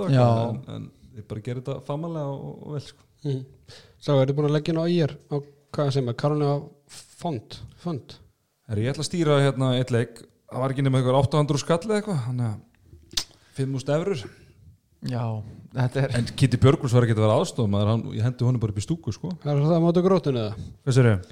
Lítur að stýra leikum móti grótinu Allir það ekki, ef að þú milli færir í hinvasan hann ég kem kannski bara út í blues Komdu út í blues Komt út í blús Ég er á FM það verður líklega fallslagur í fallbortuslagur næst tímbili Já, ég myndi ekki að veða gegn því en þú veist, ok Þetta útspil hjá ír Þetta var bara gott og blessað að fara einhver nýja leiðir en mér finnst þetta, þetta var kannski grín sem fór aðeins ólangt Þú veist, flotta þú veist, að, þetta var náttúrulega bara Kitty Björguls eitthvað við, með PC-tölvunum sína bara að, að trolla bara sko. Neða þú veist hann er byrjað og svo hefur bara hefur hann einhverstar leiðinni bara mista hann aðeins Já, tökin. þú veist, svona, frá þúsund evrum og upp í fimmðúst evru þá bara, það er bara gerist Hvað var næst? Hvað hefði verið næst? Já, bara þú átt félagið. Þú veist, bara, Við vorum bara chairman of the board En hann ekki geta bara- bætt við þarna fyrir þrjúðu skall og fara að stýra einna æfingu eða eitthvað? Þú veist, vantaði ekki nokkar svona punta? Jú, Ég hef- samt sko bara, bara maður horfir bara út á þetta sem horfir á þetta sem bara út frá sjónarhóttni leikmanna að eitthvað allt í henni bara mættur ykkur trúðu sem er að stýra liðinu sko, þetta er ekki í Ragnarsmótinu eða í Reykjavíkumótinu þetta er bara í ólistildinni Mhm. og ykkur aðstóðhörlu eða leikmar í hóp svo var eitthvað svona að borga eitthvað þannig út með aðgang að klefan sko, þú ert leikmar eftir leik ég meina klefin er svolítið svona heilat svæði. Nennir ekki að fá eitthvað til hérna bara Bara eitthvað bara eitthvað ditta, ditta Jóns bara sem er bara mættur inn og er bara syngjandi og trallandi þarna eitthvað. Ef við kannski að útskýra fyrir hlustendum sem eru kannski ekki alveg með á hreinu um hvað erum að tala? Já, Ertu með þetta? Hana? Já, stemmi Já, þú mátt lesa þetta fyrir okkur. Já, Kitty Björgur sem sagt, þjálfari kallaði þessi ír hann er sem sagt að samla uh, áheitum eða pening fyrir ír. Og þar getur lagt inn á hérna fyrir ímislegt og hérna leggsta uppæðin er sem sagt, 35 eurur sem er 5700 kall. Það er bara til að styrkja ír. Síðan með meiri pening þá getur þú hérna tekið þátt í starfinu þú getur fara að borgaði 12 skall og þá fara að grilla þeim og sjoppunni og Það er slegist um það. Já, svo fyrir 16 skall þá farið áskort á heimaleiki í er væntalega kall og hvenna fyrst að þeir eru hættu við að hætta við að hætta við. Síkta, síkta, síkta, síkta, síkta. Síðan er náttúrulega svona aðtiklisvert ég menna ég veit eins og eh, hérna, haugarnir gerði þetta náttúrulega þegar ásöldu var byggðið þeir mertu nokkuð sæti þannig í stúkunni þar þú getur borgað 50 skall þá farið mert sæti en það er náttúrulega er ekki sæti í stúk í- Það er er trebekkir en er ekki, er ekki ekki nokkuð setið þarna fyrir miðið þarna? Er ekki hann, verður það ekki bara græða? Síðan er 75 skall þá farið fótspor á svölunum. Ég veit til dæmis að valur er með þetta og haugarnir þá er límt svona límið á, á gólfið þar sem að þú átt bara Já, þess. Það er sannlega gengið svona einn eitthvað best í því. Sé, það eru fjóri búin að styrkja það en svona so far, þá finnst mér þessar hugmyndir sem eru konar bara mjög Flott, fínar, flott. góðar. Svo bara hann ok, svo fyrir við 99 skallin kíkt í klefa eftir leik. Þú hefur tryggt þér aðgang á klefanum eftir heimaleiki. Hér komast færri aðein vilja. Þetta er til dæmis, hann ertu komin í, í bull. Hann ertu búin að missa þess tökin. Uh, þú fær tækifæri í ólisteytinni þú fær tækifæri til að spila í ólisteytina á heimavelli. Þú hefur tryggt þér aðgang að klefanum eftir heimaleiki. Hér komast færri aðein vilja. Er þetta ekki sama hérna Mikael Nikolás sem var að tala með Dr. Fútból eitthvað tíma eða eitthvað fylgir gerði að að mætti bara eitthvað trúður fekk bara að vera í hóp Jú, og ég held að mikið hafi verið hendur hópaldi og bara eitthvað, bara, bara eitthvað jólasett sem satt á bekk baldið að vera, að vera gaurir þegar sem er hendur hóp þegar einhver sko keipti sér sæt, sæti í hótum á Karl og fund já, hérna. Þetta var held í borgarnes á móti skallakarum og þeir voru að tryggja þessu upp voru búin að vinna deildina og, og voru í næst efstu deild sko. Mér samt sko styggsmunum þarna áskilur þarna eru búinir að vinna deildina og þetta er eitthvað sprell sem er samt mjög heldur ekki í lagi. Þarna eru við í efstu deild að ræða þetta sko. Já, og á hvaða tímapunktu ætlar að gera þetta? Þú veist, ég meina, ok, þeir gætu sagt bara eitthvað herru, geymum þetta bara þangur til að við kannski verðum bara fallnir hérna og þrjárum fyrir eftir þá skiptur þetta einhver máli. En svo getur við beð og beð og beð og svo ertu kannski bara komin í einhvern hérna, bara úrstættarleikum sæti þetta í dildin eða skilur á hvaða tímapunkti þetta, þetta er náttúrulega bara þú veist í, flestu leikið þá náttúrulega notar kannski ekki 14 leikmenn sko, þannig að þessi leikmar ég er ekki að þetta en ég er að segja hann er, þessi, þú ert ekki að kaupa aðgang inn, á velli sko, þú ert ekki að fá að taka Nei, vítið nei, eða en, þannig. en það er sama En svo höldum við áfram, sko. það- þarf einhver ungur öfnilega leikmann þá vantilega að gefa eftir sæti sitt í liðinu svo fáum við hérna 330 skall þá ertu aðstóða þjálfur í ólistettinu þá farið að vera aðstóða þjálfur eitt leik og svo 825.000 krónur íslenskar þá ertu aðal þjálfar í Já, þannig þannig erum við kannski farnir aðeins yfir strikið eða hvað við ég, erum alltaf bara allt, við fórum yfir strikið þarna þegar við opnum klefan og, og, og svo bara fórum við lengur og lengra frá strikinu þegar við helst að fara að tala sko. sko sko ég hef búin að reyna að horfa svona einhvern veginn taka jákvæðan vingil á þetta þið munið enn í gamla þetta hérna eftir fórstjóra Ryanair sem var alltaf eitthvað að trolli í fjölmjölum alltaf láta fólk standa og eitthvað svo kom bara í ljós setna mér að þetta var bara runni markastund hjá hann fekk bara alla fjölmjöl í heiminum til að tala um eitthvað ef þetta er það þá er sko 9. apríl og það verður allir búin að gleyma þessu markastundinu til að fá, til að fá fólk að leiki þegar við förum á svona stað í september. En mér finnst þetta bara sko og ég tók um þetta eftir að þeir hérna í Fantasy Gandalf tölum um, um þetta og ég sammála mér finnst þetta bara svolítið dángreita íþróttina. Að þú ert að fara út í svona mikið sprell sko. flott sjá maður vera búin að græja 3000 efrur og það er held ég mestmæknis komið í gegnum hann fótspor og svölunum. Það er einhverju kannski glerharri ríðningar sem eiga peninga sem eru til í að styrkja þannig en svo eftir það þá bara já, þá förum við aðeins út af sporun Já, ég held að þetta sé ekki markarstundu eitthvað, ég sko bara fyrir mér eins og þú horfið mér, þetta er bara desperate time call for desperate measure, sko, þeir eru bara desperate þeir eru bara gjaldróta nánast og eiga engan pening og, og það er bara að hérna, velta við öllum steinum til að, til að finna, finna ykkur öðra sko. en eins og ég segi ég, kannski, sko, þegar við stoppa þarna við klefa, þar sem við tölum þar sem við fórum við línuna, þegar við stoppa það þá er þetta bara verið flott og ég hef ekki haft neina aðtóðsöndir og þetta er ekki verið en hefði þetta fengið sömu aðtikli og þú veist Já, kannski ekki sömu aðtigli en þetta er náttúrulega búið að fá allt og mikla aðtigli sko. við þurfum ekki að, veist, það er búið að þrjú viðtölu við hann sko. þannig hann að verður einmitt á línuna eftir já, fjórða viðtali Já, ég veit ekki, ég er bara þú veist, jú, ef þeir sapna hellinga pening og eitthvað þá er kannski lítið þetta að segja Já, en, það geta búið ykkur um að setja, vera með í uppbytun af fótbolta eða eitthvað, eitthvað svoleiðis en þannig er svo þetta bara komin út í ykkur að vitleysu sko. En hvernig finnst ykkur svona bara svona það sem að félagin hafa verið að gera til að safna peningum? Ég sé núna að þósarnir sem alltaf eruðu deildamestari í Grill 66 deildinni, þeir eru að búa til eventin á Facebook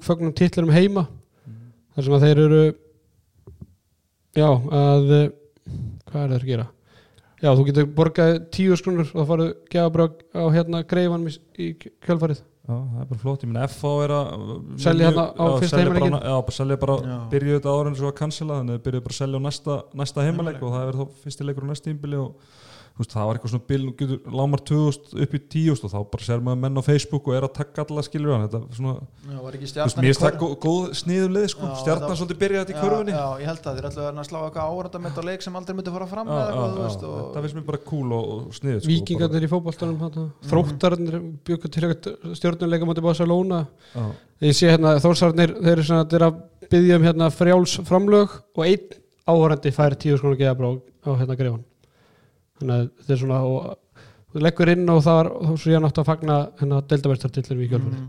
Hvað sér, er þetta haptar þetta að fara einn tíu sko geðafrið? þetta er ekki happatarði, þetta er bara bara stiðjur og gætur orðið heppin á móti skilur Já, já, ok. Þú getur lagt inn skilur hundrakall og, Ég er kannski bara sleppti en allt, allt er góð þú getur fengið nýju þú getur grætt á þessu. Þú getur grætt á þessu nýju sem nýjundur kall. Og hendi handkasti saman setja þúsund kall inn og sjá hvort þau verður dregnir út. Nei.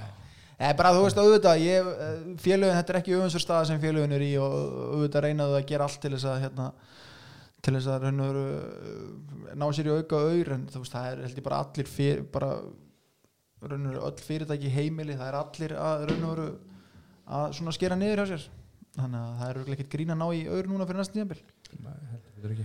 Það sem ég finnst vest í þessu bara bæði sem hérna, þáttastjórnandi og, og sem þjálfari hvað er bara ótrúlega langt í það að lið geti farið að æfa. Þú veist það var hvað þetta var slaufaði miðjan mars eða ekki? Þú veist það er ekki liðið mánuður mér líður eins og þessi þrýr mánuður síðan þetta var slaufað. Og þú veist það er allavega einn og hóla mánuður í að sko leikmenn mögulega sé að fara að hittast. Sko, að þetta er, og sko þá kemur sko júni, júli, ágúst. Af því við, við erum að tala um að líklega verið byrjað svona að aflétta þessu samkomi banni 4. mæ og það verið gert svona í skrefum og þrepum sko. Þú ætla að ég vona að klippa bara eðli, bara eðli handbólt bara hvernig handbólt íþróttin er og eðli hennar þá er það mjög aftalega á þessu lista skilur við, þú veist, af því að það er svo ótrúlega mikið svona nálæð og, En það- og veist- bara knú, knús, þetta er bara knúsi íþrótt. Þú ert bara alltaf í einhverjum knúsi. En sem betur fyrir er náttúrulega bara það, þú veist, tími í að lifta og hlaupa sko. Já, já. Veist, það er Þannig kannski að ekki hundra það, það mun náttúrulega gera svolítið áður en að vera leift, mun vera leift að fara í Já, en það er bara, þú veist, hvenar mega liðin fara að hittast í 20 manna hópum og lifta og hlaupa saman sko. Það er og- bara að tala um ég myndi lók giska- mæ ég myndi giska Já, ég að segi það, er svona- anskoti langt í það sko. Já, ég tippa að það er svona miðan mæ En ég veit alveg hvern, ma- hvaða mann ég myndi vilja hafa í liðinu mínu þá. Það er Lára Selgi Ólafsson hann er, að, hann er að brjóta bara einhverja múra í hlaupum núna þess að dagana Já, ég ætla að segja mig en allt í góð Nei Viltu eitthvað freka vera með einhver gæja sem er í góðu formið það? hm. Sem þú sem þjálfari væntanlega, Já, ég held að vera bara sem leikma eða sko, Ég, ég er löngu búin að sigla Ég er að vona það að ég nú- núna mitt tækifæri sem þjálfari Menna, það eru menn að fá tækifæri sem hafa verið í svona þætti hérna. Ég er sammála því Þú getur nú alltaf Það er bara Þá þarf ég að vinna þetta kúlbett mót á sunnundaginn Já. Til þess að ég efna á því eða svona allan að upp í það? Herðu strákar, ég hérna Við erum ekki allir að býða bara eftir einhverju léttu slúðurhóttni frá okkur strákunum. Ég ætla nú að draga mig í hlýja annað um Er enginn á leiðin í grótuna? Nei, ég, ég vilt sagði það í viðtalana stöðusport Ég þarf ekki leikminn, ég býða bara til. Þannig að bara verða eitthvað góð. Ég, ég er spáði að henda í hérna Þú ætlar að lo loka DJ-hóttni menna þú veist Nei, ég ætla bara að hendi í eitt gott bara hérna. Ég veit að fólk er búið að býða því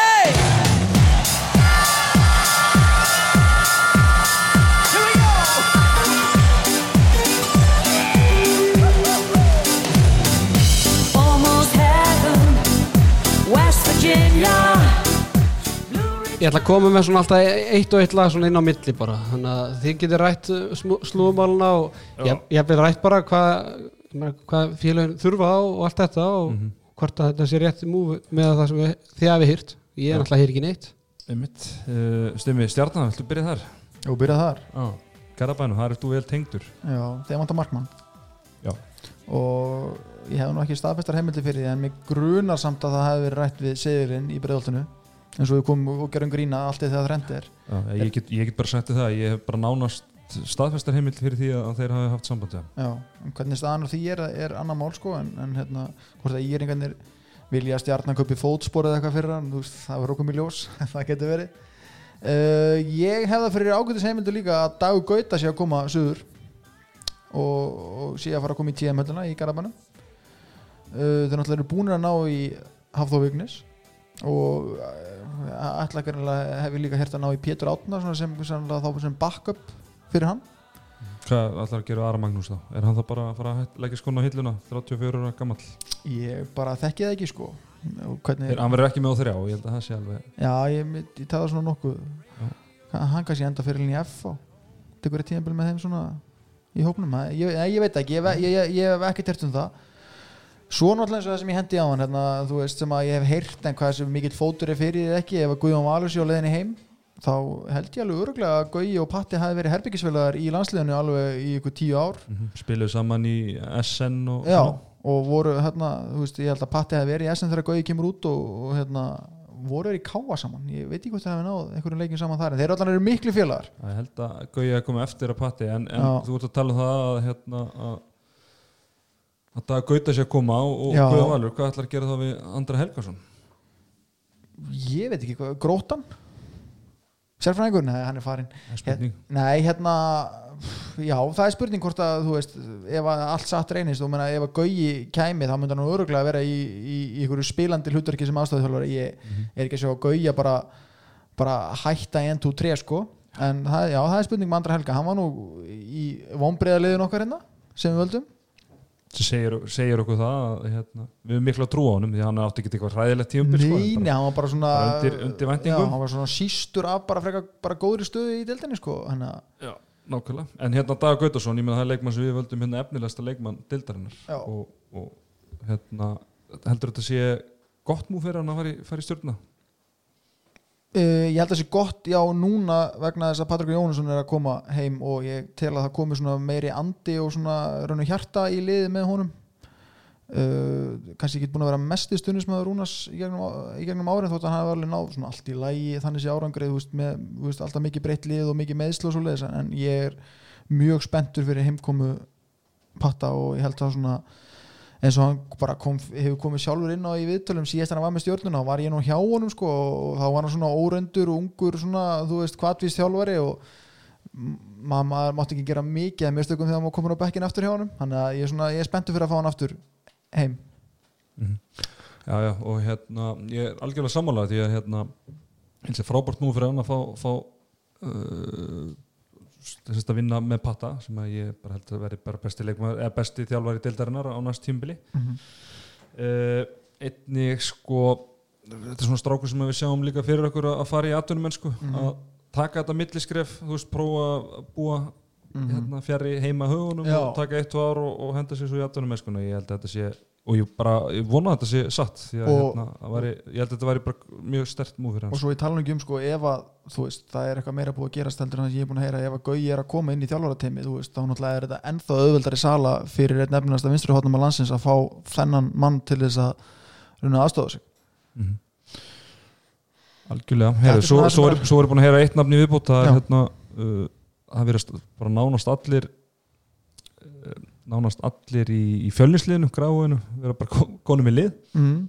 og Arna Máni Rúnarsson að hann sé á leiðinu stjórna sem þá bara svona squad player. Já, bara línu maður og maður Já. bara, sem bara, já, nákvæmlega. Og það er spurning byrju, að, ég, veist, ég ætla ekki að gera þetta kannski en þú veist, ég get að velta þessa spurningu upp með Hannes Grimm hvort hann sé þá bara á leiðinni á Seldatanesi aftur já, hann lítur að hann var bara lánsamning þannig að ég, ég held að hann sé bara leiðinu heim hann að mm -hmm.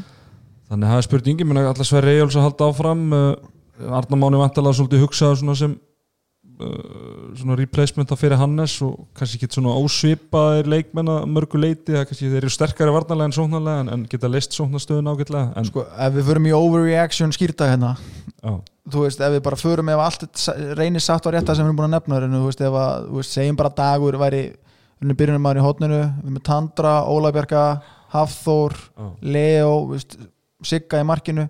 Stjarnan á loksins þá fara að geta gert eitthvað sko. ef þeir eru í áttundasæti aftur á næsta ári þá ringi ég Jens. Já.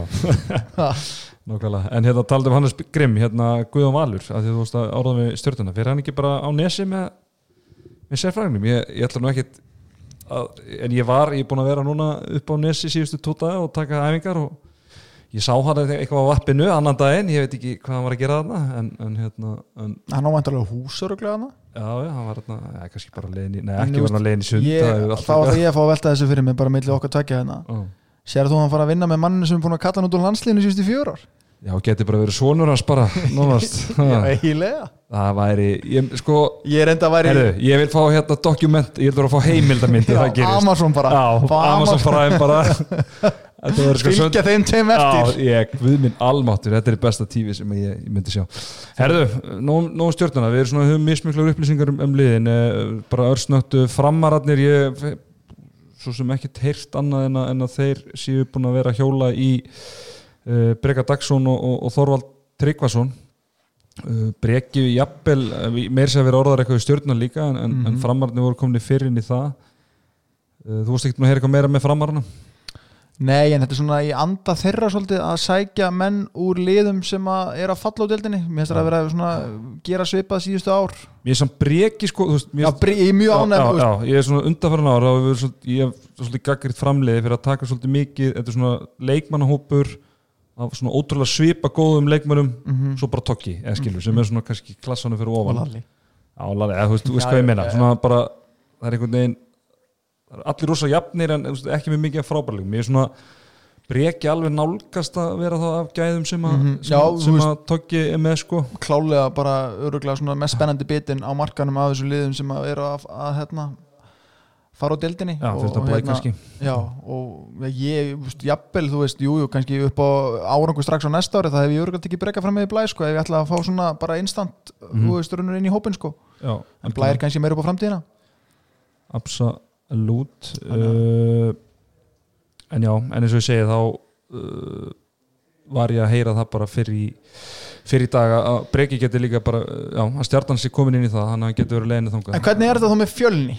Þú veist, eru það ég bara, veist, ég meina að við getum bara farið er hérna aftur næst í- handbólti þar eða? Þú veist, verða þær í grillinu, menna, þeir veist, eru með alveg Þokkal- haugast, haugast strákum sem eru svona kringum 18-19 ára ok. og ekki allir voru í mist þú veist, Já, þannig ok, það er bara gott, ég, ég ég, vil svo, já, vil ekki svo fleiri lið rauninu vera að hverja ég, brönd. held, ég held að það sé ég hef ekki, ég ekki mikla ráðgjör af því en sko talandi um það þá nú verið orðað tvo við, afturheldingu náttúrulega Björki Snær Jónsson Markmaður sem að er uppalinn í Mhm. afturheldingu að hann sé á leiðin í Mósesbæðin aftur og vera þá varamarkmaður fyrir, fyrir Arnur og, og Ramos Rokka hann hefur verið orðað líka, ég meina þeir eru tala nú ekki um að- ef Birki fer. Þá náttúrulega vantaði En ef hann fer ekki, hæra minn en ef hann fer ekki. Já, ég ég held að það var alveg fínt fyrir að fá hann sem er. Það er aldrei enduníunin í gangi þar, veist, maður myndi segja svona stjarnan og, og afturrætning séu svona þau lið og allan afturrætning klálega því að þeir eru búin að taka mikið af mönnum til sín Já, á vormónuðunum. algjörlega. Herðu hákálið uh, þeir er að fá náttúrulega fallnir Mm þeir er að fá tvo ansi reynd áhugaverð að bytta fyrir lið. Þeir eru annars vegar að fá Hjörtinga Haldósson sem að er uh, leikmaður Hauka U og hefur eitthvað verið í hóp hjá, hjá Haukanum í, í vetur Mm. og spilaði eitthvað mínútur í Já, bara, bara að, að, aðlega Hauka bara stóð sig vel. Minnst það er leikur á móti í val Já, sem hann átti fína leikana í, Origo tapaði einhverjum dúlum þar. höllinni já uh, sko hann var alveg orðað við nokkur ólistættaliði í, í haust en hann ákveður að taka slæmi að hákaði haustildinni og það sé kannski meira er hákaður að landa Jóhanni Birgi Ingvarsinni Mm. Þetta eru múf sem ég vilja sjá Háká gera fyrir ári síðan. já, einmitt Ekki núna, en flott samt núna. en þetta er rosalegt fyrir lið sem er að í grillinu Já, þú veist, þeir munu rjúka bara upp bara, þú veist, þeir það er bara spurning hverju fara með þeim upp, sko Mhm. hvort það verða, hérna, vikingur eða hvað, fjölnir það er, það er, það er spurning það er ekki mikið, mi- miklur að móða Nei, en, en, en, en það er svona áhugavert með Háka og hérna, að þið voru búin að ræða fjölni og, og, og þeir eru bara að missa alla sína leikmenn Mhm. nánast, ég menna Bergur Eli, hann er, hann er verið orðað við lið eins og Ír og, og fram líka Björgvin Páll við, við Ír sem er leiðis e, en Háka, þeir eru nánast að halda öllu sínum sko, er, er nökkva fjallar effektið er það að ná lengra við, við heldum upp að Mhm. er það að spila þarna ég finn það einhverju bara að við erum í húsinu sem hann er, sem hann vinnur Hann vegginn núna, sko. að veist, maður finnur bara svona í bara svona, í bara svona jákvæðin og peppið í bara svona návistan, sko þannig að, nei, ég bara, þú veist hafa hann og Elli ekki bara í sammenningu náða að selja strákunum, þú veist raun og veru bara hugmyndafræðina sem er eru og þetta er kannski bara tvekja þryggjar á plan Já. eitt ár búið og svo bara vonandi koma sér þú veist, þeir koma sér beint upp á næsta ári. Og, og verða reynslinu ríkari og, og við sjáum það hérna tíðanbyrðið 2021 eh, 2022 halda sér uppi og að geta verið byggt eitthvað á þetta. En bara ef við horfum þetta eins og út frá, út frá Jóhanni Birgi að Herðu, hann er hann, hann er hann. Er Herðu, nökku fjallar er mættur hérna í stúdióið wow Þetta er Þetta eru herðu, hérna- þetta eru senur Það maður. eru óvandar, óvandar hendingar, hvað segir um mestari? Ég er rosalega góð með Það það, það var alveg góð sko. Við vorum um þetta að ræða sko eins og með hákálið sem að, er nú fallið. En hérna þráttur hetjulega baráttu í lokin að við vorum að spá í hvernig þeim er að þú veist, þeir að ná að halda öllum leikmönnum sínum þú séu fallnir. Og með fjölni sem er fjall líka er eiginlega búin að missa alla leikmönnum sína. Akkurat, akkurat. Við vorum eitthvað að tengja það við svona þína vinnu þarna Já, og ásamt mörgum sko, þetta er frábært teimi það er ótrúlega gaman að búa ótrúlega gaman að koma hann inn og, og vinna með, með þessari svona umgjör sem er í kringum þetta stjórnin og, og þjálfararnir er alveg búin að vera frábærir og hérna og við erum að ná að halda mitt bara vel flestum leikmönnum Já, og, og eiginlega bara náðast öllum að Hvernig er svona þín vinna þarna? Þú veist, hver- Hvernig, hvernig, byrja, hvernig byrjaði þetta nú komst aðeins og hvað varstu nákvæmlega að gera með, með mannskapin? Ég sko hérna, ég fer að kemur hann inn í, í byrjun árs og hérna mitt, eh, bara, mitt markmið er bara auka í rauninni, ef við getum talað um þannig, bara auka sjálfstöðst í liðinu. Náttúrulega tekur á að, hérna, tapa 13 af 14 leikjum og hérna, samt uh, ótrúlega magna að fylgjast með þeim hvað þeir letu ekki á sig fá. Og hérna og mín vinna var svolítið bara að hérna, sjá að hérna, við ætlum að kera á þessu átta leiki sem voru eftir að, hérna, og reyna að fá það mest út úr þeim hann er mín vinna var svolítið þar sko, og ég er rosalega hérna, þakkláttur fyrir það hérna, að hafa fengið þetta tækifæra því að ég hef ekkert syngt mig á þessu sviði í, íþróttum, hvað þá í handbólta ég, hérna, ég er farin að læra reglurnar og hérna og mér finnst þetta ótrúlega skemmtilega leikur og alltaf fundist það sko en ekkert kunna að geta hann sjálfur en það er það ekki mitt hlutverk. Það er Elias og Willi sem að sjá um það og hérna að fá mest út af leikmönnum á vellinum sem sagt líkamlega og hérna handbóltalega en ég er meira svona andlega og hérna sjálfstöðslega þannig að þetta er búin ótrúlega skemmtilegt tverrleik sko. Já, þetta er, þetta er mjög áhugavert því að, að hákulega og ég segi, þetta var náttúrulega bara fallbissu fóðurátni fyrir áramót og, og við höfum nú rættað í þessum þætti að ef að, ef að hérna, tímabilið hefði verið þrem fjóru leikjum lengur sko en, en, en uppalega var gert ráð fyrir að, hérna, að, að þá hefði sennilega bara náð káa og haldið sér uppi því að, því að þeir voru bara á, á það góðu rönni Þannig, ert, ert að vinna með svona, að vinna með hópin í heilsinni, er þetta meira einstaklismið eða hvernig, þú veist, ert á æfingum hvernig svona, hvernig er fíldvörkið ef þú skilur hvað ég menna Sko, mjög góð spurning, mjög góð spurning. Hérna, ég byrjaði að vinna sem hóp, með þeim sem hóp. Og hérna, og við tókum hérna svo, svona session, við vorum saman í alveg hérna 8 klukkutíma þegar við hittumst fyrst. Og þetta er svona þetta er, þetta er mjög, mjög mikið prógram og hérna, og læti sko. Eh, svo hérna tókum við minni hitninga stittir tíma í hóp og svo var ég farin að hitta á individual einn og einn og hérna, en eins og segi tímabili flauta af árin að ég náði að hitta á alla nákvæmlega alla leikmennina en það var planið og, og, hérna, og þannig vinn ég í rauninni með það fyrst og fremst í rauninni að reyna að efla einstaklingi til þess að geta ge- verið sem bestur í hóp sko. þannig, að, þannig að þetta er svona mikil eins- einstaklingsvinna sko. Ertu að fara að halda áfram að vinna með þið núna hvernig er framhaldið þar? það er verið að, einmitt að hérna, vera, vera semju slíkt og, og mér líst bara ótrúlega vel á, á umgjöruna og eins og ég sagði bara að mæta hann inn uh, þrátt fyrir erfið, erfitt uh, svona, átti erfitt til uppdráttar fyrir áramóta og bara búið ótrúlega gaman að fylgjast með eitthvað menn voru mótiveraðir og eru mótiveraðir og um þetta halda leikmenn veist, þetta, er, þetta er eitthvað sérstakt það eitthvað sérstakt kemistri að inni sem að ég fíla sko. þannig að það er svona eins og okkur grunna kannski það er kannski verið að horfa lengra en bara til eins ás veist, þannig eru menn, þú veist, þau munu koma tvíaldir en á, en á næsta tíðanbili og eins og ég og Tettur vorum að spáði þetta er kannski svona 1-2 þryggjara prógram sem við sjá svona vonandi bera ávöxt 2022 eða eitthvað að algjörlega mjög góð punktur. Það er alltaf að taka eitt skrif tilbaka í hérna grilldeildina Já. og hérna er rauninni tilbaka. Maður dettur bara fram, við bara duttum við fullum, við sko fjallum fram í já, já. áfram uh, með því að fara bara niður og eiga gott tímbil næsta ári og svo bara hérna einmitt halda áfram og hérna stefna, stefna á, á herri bara, já, stefna á, á bara á toppin sko, það er bara þannig og einmitt ótrúlega vel lesið og, og rétt og þetta horfum maður hlutina til lengri tíma og ég gera það í öllu sem ég gerir sjálfur persónulega. Maður getur ofmetið hvað maður gerir á einu ári en vannmetið hvað maður gerir á tíu árum sko. þannig að það er svona það sem við erum að horfa í sko. Gekkja, heyrðu nokkuð fjallar eða Jóhann Ingi bara okkar og takk fyrir að koma inn, þetta var óvænt innlit hérna. Já, bara takk hérlega fyrir að fá mig hérna bara, ég, er mikill aðdándi þáttar eins og gaman að fylgjast með. Takk fyrir það maður. Takk, takk Við svo bara að fá- að Becca Ólas núna inn og Já. hvað er Lalli að gera? Já, það er Lalli að tokka Er þetta ekki ekki? Það var hérna, við erum náttúrulega búin að ræða þetta mikið og svona, þannig að það var gott að ég var alveg bara starstruck sko, bara þú veist, fá mannin inn hérna. Bara einhver geggjaðasta lettara sem ég hef síðan sko. Ertu ekki búin að sjá minn? Já, já, fyrir utan þinnu þetta Herðu, flottir, það er hákáli. Íringarnir, uh, það hefur orða uh, starra svona úr stjórnunni og þú getur Gunnar Jóns. keft hann fyrir 2500 eur Já. þá kemur starri. Flýgu til þín. Pun intended. Og Gunnar Valdimar Jónsson og uh, og svo Björgvin Páll og Fjölni. Það hefur orðað alla þessar leikmenn við að þeir eru náttúrulega aðalega að missa leikmenn. Eins og við þekkjum. Hvað er spurning Björgvin Hólkes og svona Stulli. Stulli og ég held að Andri Heimir, ég minna hann er uppalinn skilur, ég er, er fram núna geti hann farið í Það er æskuslóðunar Andri Helga jafnvel í hann að veist, náttúrulega bróður hann spilaði með ég bara upp alla yngri flokkana, hann Raggi Helga hann að Já, spurning þeir eru náttúrulega bræður. Yes sir. Að hérna, það er spurning hvort að menna þeim vant ég, ég sé, svo ég er rúglega búin að setja í fjögur ára stulli er ekki að að taka annað tímabil en nú, held ég að sé komið að endastu hjá hann er bara svona fínt að setja punktin yfir í þetta, þeir eru í basli. Þannig að ég get alveg sé andra helga að fara á þannig að ég meina það var uh, var þetta þetta Kar Karlunafönd Já. stótið, hefði átt að vera þar svona einhver, einhver flokkur sem heitir höldu seðlunum það sem að stuðnismenn hefur geta bara Já, ég var- lagt inn til að, til að, bara, til að fjármagna tímabil ég bjóð til þann lið á Twitter í vikunni og, og seðlinn var klár fyrir 20.000 eurur sem hefur reiknast, þetta er ykkur 300 kallar mánu sem seðlinn hefur verið að fá.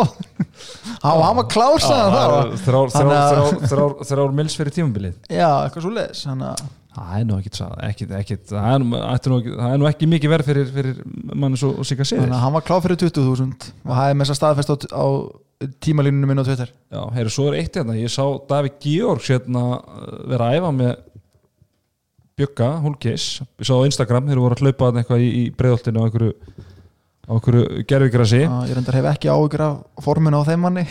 Hann, hann hann, heldur sér ágætlega Já, já, hann, uh, hann var alltaf einhver meðsli og annað sem var að, en ég meina maður spáður með, með, þú veist, þegar er svona ástand skiluru að þú veist, náttúrulega bara mér allan svona þessi stráka sem er í kringum mig aldrei, ég meina Dabbi, þú veist Daniel Guðmunds, Björgun Hólkins þetta er, þetta er rosalega miklu félagsmenn miklir íringar hvort að þeir kæmu myndu taka í tímabil allir saman ég meina ef að Davíð Georgsson kemur átna þú veist þá um, var hann að spila með Arnari Frey bróðu sínum með Daniel Frey Guðmundsson hérna sem var í þrótt í vetur geti hann komið tilbaka allir bræðarnir spila saman skilur þú veist eru þeir ekki að fara kannski að, að, að, að hjóli eitthvað svona að reyna að ná þessum uppöldu strákum bara tilbaka og eða þú veist halda þeim sem eru fyrir og, og fá þá tilbaka sem að Þú veist að tala um stórfið minn, hann Björgun Holgersson sem að spilaði með stjórnunni haugum og var svo í Dubai alltaf seðlum. Já, já, en ég meina þú veist svona það er- Ég var aðeins að menn þróskast Ég bara hreinlega veit það ekki með Bjögga og þá sko en jú auðvitað, þetta er náttúrulega falleg hugsun og allt það en, en svo er þetta alltaf líka bara fjölskyldu menn og hafa alveg öruglega ekkert alltaf mikið klukkutímum í sínu lífi en, en það verður náttúrulega fallegt að sjá það alla koma tilbaka og reyna að snúa þessu dæmi við en bara spurning hvernig kitta gengur að selja þeim hugmyndina á baka við þetta. Þannig að svo getið líka jafnvel bara verið ráð að menna, að, veist, menna, vorum að tala með þeir voru með tvö ulið hérna síðustu árið eitthvað, að jafnvel bara vitna í orðu nökkva félast að detta fram fyrir sig jafnvel og bara þú veist stíga eiskil tilbaka, og taka tvö áfram Það er bara, bara spurning hversu öflögu þeir eru. Ég, bara, ég þekki, ekki, þekki það ekki alveg en þeir eru náttúrulega eru með náttúrulega missa hafþóratna að hæra megin en þeir náttúrulega eiga Elias Bóvason sem er mikla reynslu úr úlistildinni og hann var náttúrulega mikið meittur í vetur þannig að ef þeir ná að halda honum þá hefur svona þannig að hægri skiptustöðan kannski ekki, Já, ég, ekki alveg af svona kannski eh, slæm og maður kannski myndi Nei, halda. ég held veginn að ekkert endilega að þeir verða eitthvað fallbissufóður næsta vetur en þeir verða í basli hins vegar. Já, algjörlega. Uh, Haukarnir, ég meina þú veist þeir náttúrulega Björgun, Björgun eh, hérna, Páll Gustafsson er á leiðinni í haukanu þetta og þeir eru náttúrulega fyrir með, með Andra Skeving og Greta Nara sem eru svona kannski tveira mest spennandi ungu markmönnum landsins og Greta sér endar Greta sér endar orðin eitthvað 24 eða eitthvað það er alltaf að tala um hann sem ungun öfnilegan en uh, gleymist um að hann er orðin 24 og hann er ekkert að fara að vera eitthvað varmar þannig Nei, nei. að eru ekki frekar að sjá Gretar fara eitthvað og, Jú. og Andri haldi verið sko- svona makkar með, með bjöka ef ég ætta að líta hérna í siggu klingkúlunum mína sem ég er með og spá aðeins fyrir um framtíðina þá einhvern veginn sé ég Gretar Ara fyrir mig að fara í, í val og ég vil sjá haugana sækja Geir Guðmunds Já. Uh, þú veist, mér finnst það bara að vera fullkomi leikmaður fyrir þetta haukalið en við höfum þetta heyrt eitthvað sögur um að hann getur leiðin í þossarna bara á norður en, en þú veist, ef ég ef ég væri Þorger og bara væri með fulla vasa fjár þá myndi ég sennilega selja val, menna val og nóga pinningum selja hann Gretar Ara og sækja Geir Guðmunds. Já, þetta er ekki vittlust og, og hérna uh, Geir Guðmundsson, ég meina hann er búin að gefa það út og, og að hann sé á heimleið og vera að reyna að selja sig, en, maður er svona lítið er leiðin, en maður hýrt einmitt með hýrt með hérna með Þórsarna líka, hann fari bara í uppöldis klúbi sinn þar, en, en svona af því að maður horfir á sig, að Geir Guðmundsson bara er að þeim gæðum, maður vil sjá hann bara í einhverju toppliði, þú veist, hann er allan á þannig aldri og með þannig gæði að, að hérna uh, að maður vil sjá hann í, í topplið, einhverju topplið og, og haugarnir eru svona líklega það lið sem að þú veist, ég meina Ólar Ægir byrjaði tímbil illa en hann, má nú eiga það að hann kom nú eins upp í, í lokin og ég meina Ásker Ötn er hættur þannig að Mhm. þetta svona veriðist vera nokkuð augljóst svona, eða svona obvious choice. Sko, svo veit maður ekkert með Vigni Sváðsson ég meina Nei. hann hann er hérna hvort að hann sé hættu bara vegna meðsla svo komin að það er, er rosa falleg hugsun að sjá Geir Guðmunds var í Þór en svona sem handbólta unnandi og vilja, þú veist, sjá bestu mennina í svona sem bestu liðum, þá myndi ég vilja sjá hann fara í rauninu í haugana og vera bara svolítið svona burðarásin í, í því liði sko. Já, bara fá svona, ég er bara að fá við hefum það skilið, ég menna við fengum þetta frábæra tímabil núna áður við var slúta það sem við vorum með svona 5-6 ótrúlega jöflið og harða topparötu og við bara hefum skilið að fá þannig tímabil aftur þeir á hefðu, næsta, bet, já, næsta ári. þeir, þeir hefðu betur hlust á mig. Ég var, hérna, ég var að bauna um það en í februar ég væri bara til að byrja úslutakefnina strax. Já. Ah. þá, þá hérna, ég er bara komin að Já. lo, loka, loka punktin okkar hérna, við töluðum um þessi tveir heitustu bitandir sem er á markanum að frændurnir Geir Guðmundsson og Guðmundur Hólmar uh, uh, sko, við erum náttúrulega búin að ræða um Geir og hann sé þá líklega leiðin Þóra Hauka. En hvað gerir Guðmundur Hólmar? Ég heyrði að hann sé á leiðin í lið sem er ekki á höfuborgarsvæðinu og s- þú veist, er Selfoss er það er það möguleiki, ég veit það ekki. Ég meina, hann get, gæti búið á höfuborgarsvæðinu og, og verið í Selfossi en þá hugsa maður, ég meina, fer hann í uppbyttisklubbi sinn Káa eða, eða, eða jafnvel til Vestmann, já Já, ég veit að ég menn vilja fá hann en það er eru svo sem öruglega fréttir af því að það eru allir í deildinni til að fá hann sko. en, en það er spurning hvernig þú veist bara þetta blessaða COVID ástand er að fara með fjárhæðinu á liðunum. En hérna við allan höfum heyrt að það eru hávarir rattir að hann fari norður í heimahagarunur bara og eru ekki, þau eru bæða norðan hjónin eða ekki? Held, ég held Já. og hérna þannig að kannski bara tógar í að bara rauninu búin að vera lengi eða hvað er búin 5-6 ára úti ekki? Og komast bara, þú veist, komið tvo krakka og Hann- hann bara verið í kringum fjölskylduna? Já, en ekki, fór hann ekki út eftir tímabilið 2014-15 ég held að, held að mm, 5 ára, já, þannig að þú veist kannski að vera bara, þú veist, 15-16 kannski. já bara rauninu að fara og leifa krökkunum að hitta ömmu og, ömmu og afa meira og, þú veist, þannig að það geta alveg verið ef, að- ef að káa menn eiga ef, að- ef að samherji getur, getur sett hann á launaskrá og, og, og hérna, þá er það, myndi ég ekkert út, útiloka það. Og bara myndi ég bara vera mjög ánað með það því að mann langar að sjá rauninu káa, þú veist, safna vopnum aftur. Það er rosalegt múf fyrir Ká eða þú veist, bara að fá hann að inn já, þetta er náttúrulega, sko, bara fyrir utan gæðin á leikmannum sem hann er þá er þetta ákvörðat staða sem að Káa þarf að styrkja. Mm það er leikmann sem getur spilað vinstri skittu, miðju og er sko frábæð vardamæður Já. það er bara, þú ert til að fá þetta bara allt í einum, einum leikmanni sko. Þannig að, Mhm. þannig að ég, þú veist, þó að hann veri dýr og allt það sko, þá held ég að þetta sé bara jafnvel betra fyrir Káa heldur en að fá einhverja tvo svona semi leikmenn að fá Mhm. hann. Alveg, alveg, alveg klálega. Algjörlega fyrir sama, sama budget sko. Ég ætla hérna, einmitt, og svo ætla ég að fá veist, bara algjörlega sem ég, sem ég langar til að velta fyrir þú veist, frábært fyrir hérna kollegokkarna Arnardað og grótt og komast upp en ég öfundan ekki bara á því að því að þeir náttúrulega fá að vita þetta svona tölvert setni en aðrir. Ég get ímyndað mér að leikmannamarkaðurinn sé ekkit það er fljó, vaðandi í einhverjum bitum þar sem að myndu styrkja lið núna.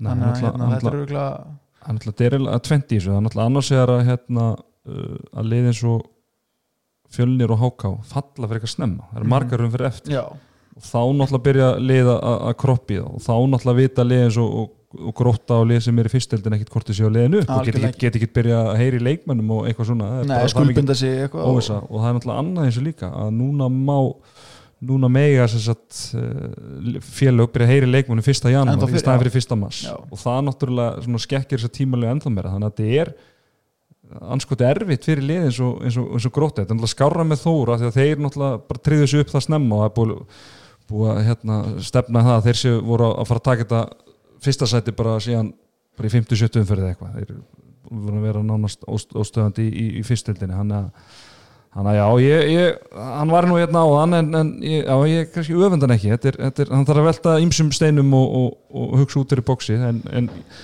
en ef hann þegar hann hlustar á þetta eftir að, að, þá held ég að hann svona gæti reynda að treysta svolítið á landsmarka en við höfum síðan gróttun að gera það undarfærna ári mm. -hmm. menn eins og Sveitn Húsi Rivera og, og, og, og fleiri leikmenn sem að hafa verið að koma inn bara sem landsmenn, bara úr val og fleiri leikmenn og, Bjarni að- Ófug kemur Já. líka og, og, og, hann og miklu, og miklu meira gaman fyrir þess að stráka að vera burðar á sig í ólistildaliði sem er að berjast heldur en að vera í ykkur sko. ykkur, já, ykkur svona jókleikjum þar sko þannig að hérna. En já, er, ég er ekki með fleiri móla, ég veit ekkert hvað hérna mínum enn í hafnafjörnum alltaf að gera, en eru þeir nú svo sem bara velmannaðir e, Selfissingarnir, maður hefur lítið heyrt hana kannski bara eins og með Guðmund Tólmar. Mm og kannski bara að að byggja aftur á, á, á, á, akademíinu og hérna, gera eins og þið gerði fyrir fjórum-fimm árum síðan þetta byrjaði þetta þessi upprisa hérna hjá þeim. Nákvæmlega, maður veit ekkert hvað ég menni gera ég menn þeir eru að vera orðað við Já, það er náttúrulega búin að fá ásker og, já, ásker og, svo, og svo voru að tala um hana með Strópus og, og að, þau hjóni myndu fara. Já, já, alveg rétt, þannig að, það er eitthvað í gangi þar. Já, heldur betur. En heyrðu, hefur við ekki bara fara að slúta þessu? Jú, tímabili búið. Mm, tímabili búið og Við, við komum við, við, við mætum mynda bara þegar við höfum eitthvað til að tala um. Já, ah, er það ekki bara ágætis? Jú bara þökkum fyrir hlustunina í vetur og hérna bara gleðilega páska. Gleðilega páska og Guð bless ykkur